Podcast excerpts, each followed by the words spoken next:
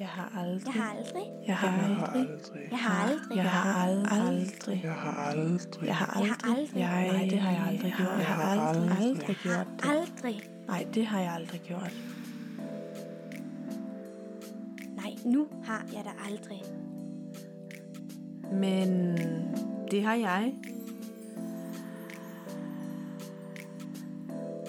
Denne podcast indeholder stærkt seksuelt sprog og voldsomme historier. Derfor anbefales det, at du er over 15 år.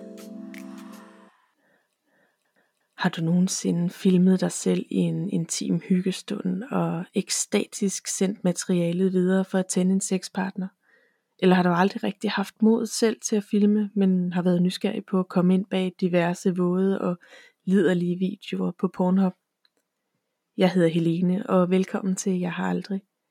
I dag inviterer jeg jer ind med, i maskinrummet en branche, der er fyldt med fordomme, orgasmer og glidecreme. Programmet vil komme til at indeholde en masse afsløringer og hårdt købte erfaringer, men helt sikkert også en masse sjove erindringer fra mine år i den våde og selvtilfredsstillende branche.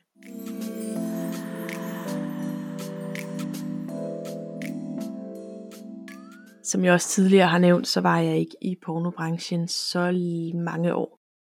Jeg var der nok et par år, men i de år jeg så var der, der prøvede jeg ligesom lidt af hvert, og fik skudt en helvedes masse materiale på en gang, fordi man ligesom, alt var nyt og spændende, og, og det var, det var det, man gjorde dengang. Og det var jo, det var en periode, hvor porno ikke rigtig skulle være, det skulle ikke være perfekt, det skulle være, det skulle lugte amatør, det skulle, det skulle have noget autenticitet over sig.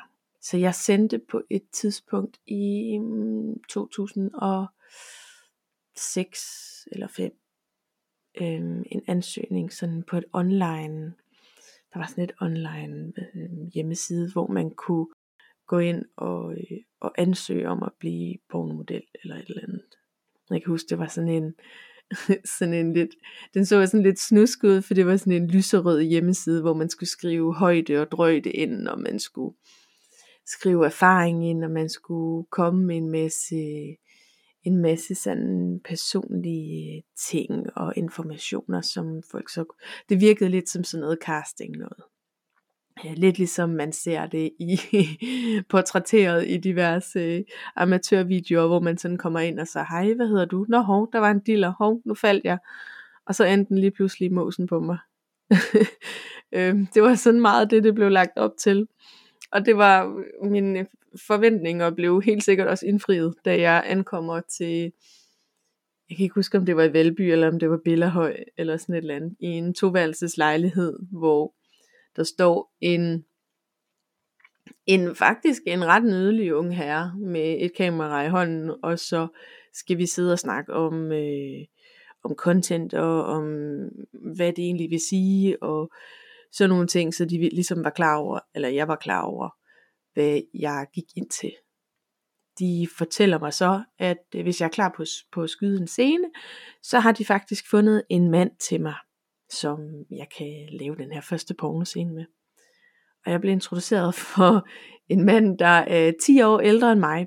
På det her tidspunkt er jeg 20, tror jeg. Cirka. Jo, der er jeg 20 år gammel. Og jeg øh, møder en mand, der er 10 år ældre end mig. Og øh, min erfaring med ældre mænd og sex er ikke noget, det er ikke noget, jeg har gjort mig i. Og jeg synes faktisk, at den her mand, han for det første ikke er særlig lækker, og jeg har ikke lyst til ham. Og øh, jeg siger sådan meget ærligt til den her kameramand, at hvis jeg skal filme noget, hvor jeg skal dyrke sex med nogen, så skal det for det første være en på min egen alder, og for det andet, så skal det også være en, jeg tænder bare en lille smule på. Jeg er vant til i forvejen at have en masse sex for sexens skyld i det private, men det er stadig med nogen, der har været aldersvarende. Den her mand var bestemt ikke aldersvarende, og han havde også en dadbot, og på det tidspunkt, der tændte jeg ikke på det. Det har så ændret sig med tiden, men, men på det her tidspunkt, der tænkte jeg, det kommer ikke til at ske. Så, øh, så allerede i starten af min, øh, min korte pornokarriere, fik jeg faktisk øh, sagt fra. Og der gik også et par timer, de fik ringet lidt rundt til andre mandlige modeller. Og, og så kom de frem til en, som i forvejen var i pornobranchen sammen med sin kæreste. Og hun var godt kendt i Norden. Hun var norsk og en sindssyg frækkert. Øhm, de kommer så til den her lejlighed. Jeg tror, det er dagen efter. Jeg tror, jeg går i gang med at skyde nogle soloscener, sådan almindelige masturbationsscener, hvor man piller lidt ved sig selv og faker en orgasme, og så er den i hus. og jeg sagde faker, fordi dengang var jeg meget nervøs, og, og jeg, og man, skal ligesom, man skal ligesom have et mindset med for at kunne slappe af og kunne komme. Jamen, det skal jeg i hvert fald. Og det kunne jeg ikke ved min første soloscene. Og det er jo sådan meget den der med, altså, hej, hvad hedder du? Nå, jeg hedder, jeg tror jeg hed Natalia på det tidspunkt. Fordi, ja, lang historie, jeg skiftede navn et par gange, men, øh, men jeg tror jeg hed Natalia på den, øh, på den video. Og jeg sidder sådan lidt i en skjorte, og ingen bryster på det her tidspunkt, så er jeg jo ganske ganske natural og på ingen måde pornoficeret. Og, og man sidder der og prøver med bedste beskub og virke uskyldig og sige, nå ja, hov, ej, nu gik knappen også op i min bluse, og nå ja, ej, men jeg kan da også godt lige vise, hvordan jeg ser ud uden tøj og sådan noget. Sådan virkelig opstillet og kunstigt, og ja, ja, det var sådan næsten tågrummende pinligt. Men, øh, men jeg får skudt den her første soloscene og sover øh, hos, hos ham her øh, kameramanden, når vi går i byen om aftenen, og jeg møder det her par, som, som så har indvildet i, at jeg kan låne hendes, hendes, den, den mandlige part øh, til, min, til mit video dagen efter. Når jeg så skal i gang med at skyde den her scene dagen efter, så står kæresten og instruerer mig i øh, diverse stillinger. Det vil sige, at jeg skulle ikke for første gang og have sex foran et kamera med en fyr, pisse nervøs, mens hans kæreste står og supplerer med glidecreme, står og supplerer med, ej du skal også lige prøve at bukke lidt mere ind i ryggen, prøv lige at strutte lidt, lidt mere til venstre, lidt mere til venstre.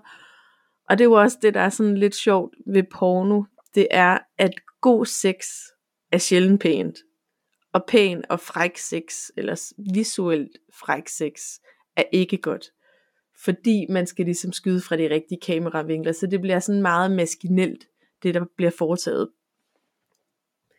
Jeg får ligeledes øh, kontakt til, jeg tror faktisk, at det har været inden den her, inden den her øh, scene til sexdebut, der har jeg haft kontakt til en inden for øh, rapportuniverset, der gerne vil skyde nogle videoer med mig, der gerne vil skyde nogle, nogle, øh, nogle billedserier til, til rapport og pige special og alt det her. Og under, under den her seance, hvor han kommer ud i min studielejlighed og skyder alle de her frække billeder, der kommer han med sådan et lille, en lille åbning, kan man kalde det, hvor han siger, skal vi ikke, øh, skal vi ikke, skal vi ikke lave sådan noget øh, point of view? Jeg tænker, mm, det kender jeg ikke noget til. Så siger nej, men det er sådan noget, hvor at, øh, at, at den mandlige del har et kamera, og så, øh, og så kan man ligesom se det fra hans perspektiv. Så kan man se, at du giver ham et blowjob, for eksempel. Og jeg tænker, det lyder egentlig meget frægt, så det kunne vi da godt få sat i stand. Og jeg tænker ikke videre over, at lige pludselig så går kameramanden ud og, og går i bad. og, og jeg tænker, okay, det var måske ikke helt det, jeg havde forestillet mig, fordi i min verden er en kameramand en kameramand, og der er en pornomodel en pornomodel. Men det var ikke rigtigt det, han havde forestillet sig. Han havde forestillet sig, at han skulle have et gratis blowjob, og så skulle det dokumenteres på video og i en billedserie. Der sagde jeg også pænt nej tak, fordi det synes jeg faktisk var en lille smule halvklamt.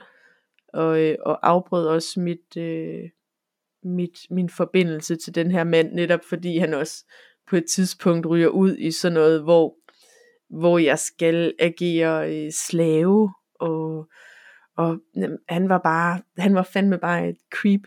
Jeg har heller ikke hørt, at han er i branchen længere, eller efter, efter hans, hans tur med mig, har jeg ikke rigtig hørt, at han skulle, skulle figurere i, i det pornografiske miljø. Og der er jo mange, der spørger til den her kunden og formåen hos de mandlige modeller. Jeg tror aldrig rigtigt, jeg har været ude for, at der er blevet benyttet Viagra. Ikke mig bekendt, at der er blevet benyttet Viagra. I, i hvert fald ikke i de senere, jeg har skudt. Der har det ligesom været modeller, der har kunne finde ud af at styre deres bækkenbundsmuskel, der har kunnet finde ud af, når, hvordan holder jeg min ejakulation tilbage, hvordan, hvordan finder altså ja, hvordan, hvordan kan jeg ligesom styre det sådan, så at det kan blive en god scene. Jeg har en gang været ude for, at vi har skudt en scene gennem tre timer, hvor han faktisk til sidst ikke kunne komme. Og der, øh, der måtte vi jo så ty til den gode gamle flormelis, hvor vi sådan blandede en passende konsistens, som jeg tror det var en, der stod en ved siden af, der ligesom sådan klaskede det ud i ansigtet på mig, øhm, og mens han sådan kom med nogle brust. Og det er én gang. Men det, øh, det var også dejligt delikat at sidde og lege med bagefter, i forhold til komshot. Men, øh, men jeg har altid foretrukket den ægte vare. Der er bare et eller andet frægt over de der komshot. Det har jeg sådan set altid synes. Og der er jo mange nischer inden for det her porno-univers. Jeg har, jeg har engang sammen med en veninde lavet sådan noget fetish film, hvor øhm, hun fik en plok i, i måsen med en hale på, og så skulle hun være hest, og hun skulle have, hun skulle have grime på, og hun skulle have sadel på, og så skulle hun spise havregryn af en skål på, på gulvet. Øhm, jeg vil sige, sådan nogle ting, de, de har været ret sjove at lave, netop fordi det har været noget, der bare er så langt fra min egen seksuelle verden, at, at det bare nærmest har været ren skuespil. Altså det har jo, det har jo været så fetishpræget og nichepræget, at, at jeg sådan meget hurtigt godt kunne, kunne tage lidt afstand til det, og det har været, øh, det, det har lidt været en udfordring at, at holde masken, kan jeg huske. Derudover har jeg jo også synes, det har været spændende at eksperimentere med andre, andre ting. Altså for eksempel kom jeg engang på den idé, at jeg skulle, øh, at jeg skulle sådan sidde og sådan på ret øh, på hyttemajersk maner øh, sirligt lave en lavkage, som jeg skulle sætte mig nøgen oveni bagefter og smøre mig ind i.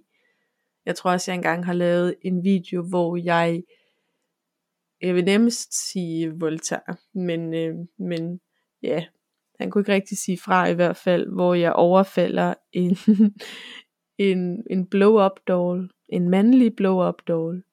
Der fik jeg så rimelig mange rifter, fordi de der sammensmeltning, sammensyninger omkring på hans krop, de, øh, de kunne godt, de rev lidt.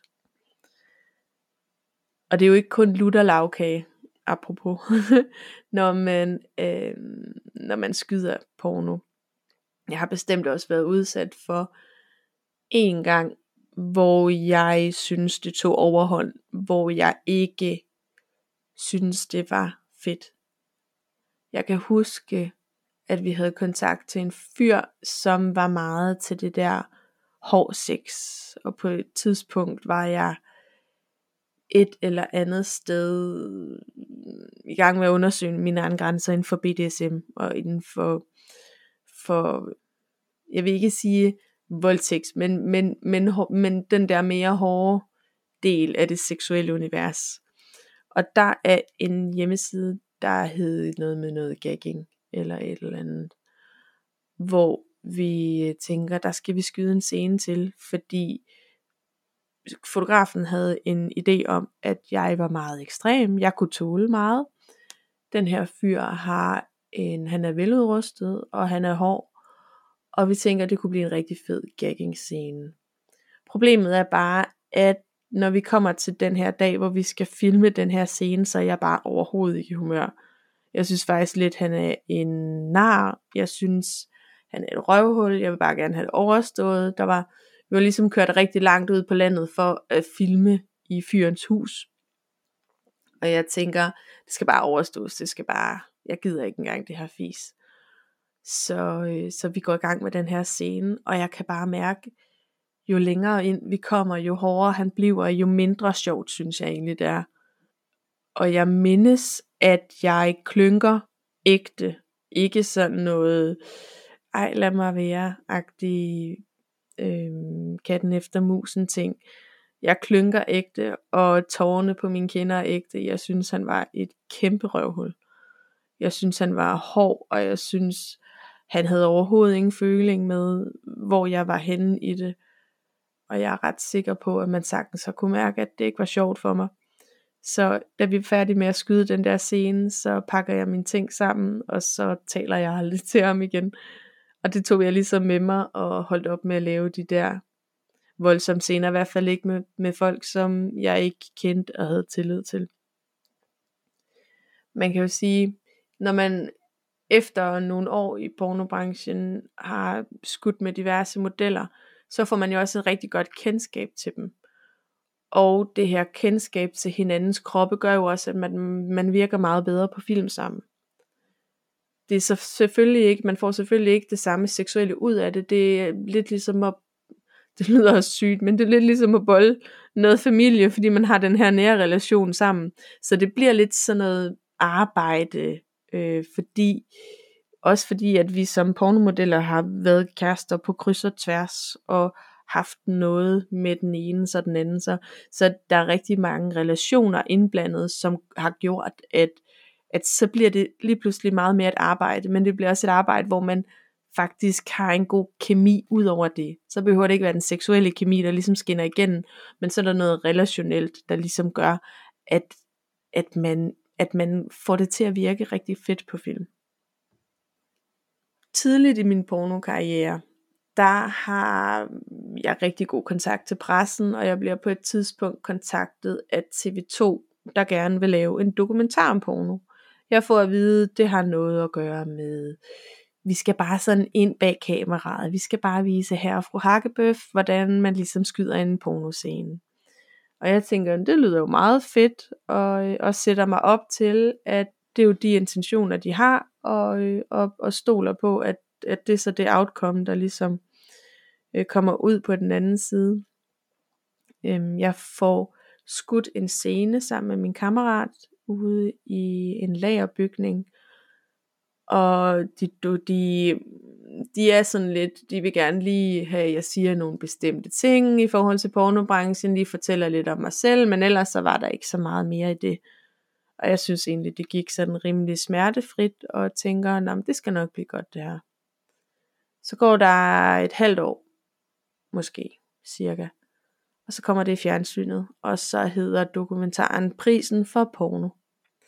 Hvor adskillige afdankede, og jeg siger afdanket, fordi jeg er rimelig sur over, at, at det skulle komme, øhm, at det skulle komme derud til, hvor, hvor man sidder og skal svine andre til. Øhm, hvor der sidder en gammel, i hvert fald ældre end mig, pornomodel, og, øh, og siger omkring mig, at jeg er uvidende, og, og jeg ikke ved, hvad jeg går ind til. Jeg kommer til at fortryde det resten af mit liv. Det er en forfærdelig branche, hvor man bliver udnyttet, og jeg ved ikke, den får ikke for lidt på violinen. Og så efter hun har siddet og svinet branchen til, og hun har svinet mig til, så ser man så mig portrætteret, totalt naiv, sidde og lægge make op og så gå ind og knælde med min kammerat. Der følger jeg mig bollet i røven mere end jeg nogensinde er blevet på fjernsyn eller på kamera. Det har gjort, at jeg har haft svært ved at deltage i, i dokumentarer efterfølgende. Der er simpelthen så mange, der har kontaktet mig, både i form, både når vi snakker øh, porno, men også prostitution og så videre. Men jeg stoler simpelthen ikke på deres, øh, det outcome, der kommer ud af det, fordi det er simpelthen så nemt at vinkle alt det, der bliver sagt til, til en anden kontekst. Og det var i hvert fald det, der skete dengang. Jeg var så rasende og så skuffet.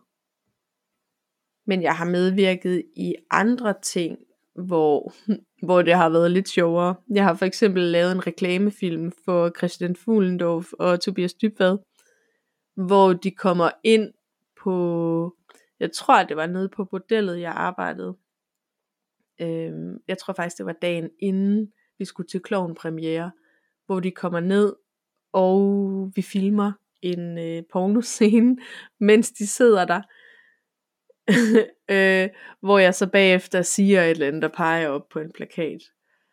Og det er jo ret sjovt, fordi det er jo sådan en alternativ måde at reklamere for, for et show eller for en tur på. Netop ved at få sådan en pornomodel til at ligge og stikke fingre op i diverse åbninger, og, og så bagefter pege på dem på en, på en plakat. Men de sad altså begge to derinde under, under hele seancen, øh, godt øh, rød om ørerne, fordi det var jo, for det første så var det en lille bitte rum, men det var også hit, tænker jeg sådan en halvanden meters penge væk fra, fra min dampende krop. Men det var helt sikkert en, en oplevelse, jeg, jeg sjældent glemmer. Fordi det var, øh, det var lidt ekstraordinært. Derudover har jeg lavet, jeg har medvirket i et program, der blev jeg så klippet ud, fordi de, øh, de ikke ville have sat for mange relationer til, til den pornografiske verden der skulle jeg, jeg tror det hedder, det var et eller andet nørdprogram, der var på TV2 Zulu, hvor jeg kommer ud et eller andet sted, øhm, hvor der er en masse nørder. Jeg får at vide, at det er nogle nørder, der aldrig nogensinde har kysset en pige. Og de skal ligesom træne det her kys, og de skal ligesom træne og kunne ture noget, og, og så videre. Så jeg får at vide, at jeg skal tilbyde dem et kys, og dem, der har lyst til at kysse med mig, de får lov. Og jeg kan ikke huske, hvor mange der er, om der er 8 eller 10, eller ja. Men jeg kommer i hvert fald derud, og, og så kommer de kravlende ud af sådan et telt, der ligner en skede. og så står jeg der med mine kæmpe silikonepatter og mit knaldrøde hår, og så får de at vide, at de skal gå hen og kysse mig. Og jeg tror, der er nogen, der er så bange, at, at de slet ikke kommer i nærheden af mig. Men jeg tror, jeg får snævet igennem med to af dem. Og så er der en, der kysser mig på munden, sådan et tændte familiært kys. Øhm, og der går også et par uger efterfølgende, hvor jeg ligesom så bliver kontaktet af den her kammerat, som jeg havde, der ligesom havde fået mig til, der havde fået mig med. Øhm, og han siger så, at vi er simpelthen nødt til at klippe det ud, fordi producenterne havde fundet ud af, eller ikke havde fundet ud af, det var også fuldstændig langt ude. Øhm, jeg lige nu, altså indbegrebet af en pornomodel, når jeg kommer derud og står og strutter. Men, øh, men det, det var så gået op for dem, at, at jeg var pornomodel, og det synes de ikke rigtigt, at øh, de, øh, de kunne vise. Så, så det blev klippet ud, men jeg fik i hvert fald snadet med to af dem, inden de skulle på date med en eller anden tøs til, jeg kan ikke engang huske, hvor de skulle hen. Det var også lige meget. Men, men det var spændende. Og når man i pornobranchen kommer ud på et sæt, så kan man jo ikke, man kan jo ikke forudsige alt. Det vil sige vær og værforhold eller andre forhold øh, kan, kan ligesom gå ind og, og gøre enten at det bliver en super fed dag, eller at det bliver en måske lidt mere udfordrende dag. Vi skulle på et tidspunkt skyde en scene for Denise Klarskov til øh, Danish Babes, tror jeg, eller Babes of Denmark, tror jeg den hed, volume 2, hvor jeg og to, øh, et kærestepar faktisk, øh, som også, ja, som, som vi boede sammen med, hvor hende og han og jeg, vi skulle skyde en scene, hvor vi skulle gå på noget asfalt i tårnhøje stiletter, og med et skilt, hvor der står, will do car wash for sex, eller sådan et eller andet. Øhm, men på det her tidspunkt, der er det 30, der, det er over 30 grader på, ny, på nylagt asfalt. Så vores, for det første, så går vores stiletter igennem den her asfalt, så vi vralter sådan lidt halvstiv rundt øhm, øh, foran kameraet. Og for det andet, så var det så varmt, at vi skulle, vi skulle ligge og knælde op på det her, øh, på den her bil, som vi selvfølgelig havde vasket for hende. Øhm, og, der, og og det var så varmt, at bilen den brændte os. Og ikke nok med det, så fyren havde det simpelthen så pres over den her situation og den her varme, at han havde svært ved at holde sin reaktion. Så vi knoklede og knoklede og knoklede, og vi bandede af hinanden, og vi bandede af fotografen, og vi, vi havde bare, vi havde det var så svært en scene at komme igennem, fordi der var bare så mange udfordringer. Bagefter kunne vi selvfølgelig godt grine af det, og det var også blevet en super fed scene, men jeg tror aldrig nogensinde, jeg har været så presset under en, en indspilling øh, af en, en pornografisk scene, som, som der, fordi det var bare, det var bare så pisseirriterende, at der var så mange ting, der gik galt, og vi blev sure på hinanden, og ja, så, så det blev sådan lidt, lidt lige på hårdt til sidst, og det kan man også godt se i scenen. Jeg vil sige, at alle de producenter, jeg har arbejdet sammen med, har Denise nok været den, der har altid haft styr på sine ting, altid har været mest professionel, og altid har lavet det bedste, det bedste produkt. Altså især den der Babes of Denmark, som vi medvirkede i, der er virkelig nogle fede scener. Jeg kan huske, vi lavede, vi afsluttede hele det her projekt ved at lave en girl on girl on girl on girl scene. Det vil sige, at vi nærmest lavede futtog fire piger, hvor, hvor vi lå øh, begravet i hinanden. Og det er altså blevet en ret fed scene. Den er jeg ret stolt af. Jeg har også engang skudt en double penetration scene nede i en swingerklub, jeg tror det var i Ishøj, hvor de to mandlige modeller kan ikke døje hinanden. De har sådan en kontrovers, der har været lige siden de startede i branchen. Og de prøver sådan at holde afstand til hinanden, og det er sådan lidt tålt ophold, kan man godt mærke. Men vi får skudt den her scene, og det går rigtig fint i forhold til, øh, til, til ligesom det, vi skal udføre. Og så kommer vi til komshottet, og den første fyr kommer, som han skal, og det er så fint. Og imens den første fyr gør sig færdig, kommer den anden fyr og sprøjter den første fyr. Jeg kan ikke huske, hvor han ramte ham, men han ramte ham. Og han blev simpelthen så indebrændt, at, at yes, ja, det var virkelig svært at holde masken. Også fordi man bare vidste, at han kunne bare ikke tåle ham. Så, så vi får sådan ligesom afsluttet den her scene, og man kan bare se, okay, lige om lidt, så skal du flytte dig, for ellers så får du et bare på kassen.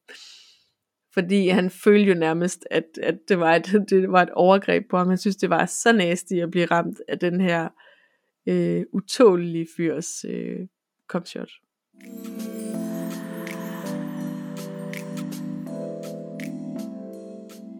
Jeg har aldrig rigtig set min egne film. Ikke sådan, ikke sådan, som jeg sidder og ser øh, RedTube eller Pornhub, fordi det gør jeg.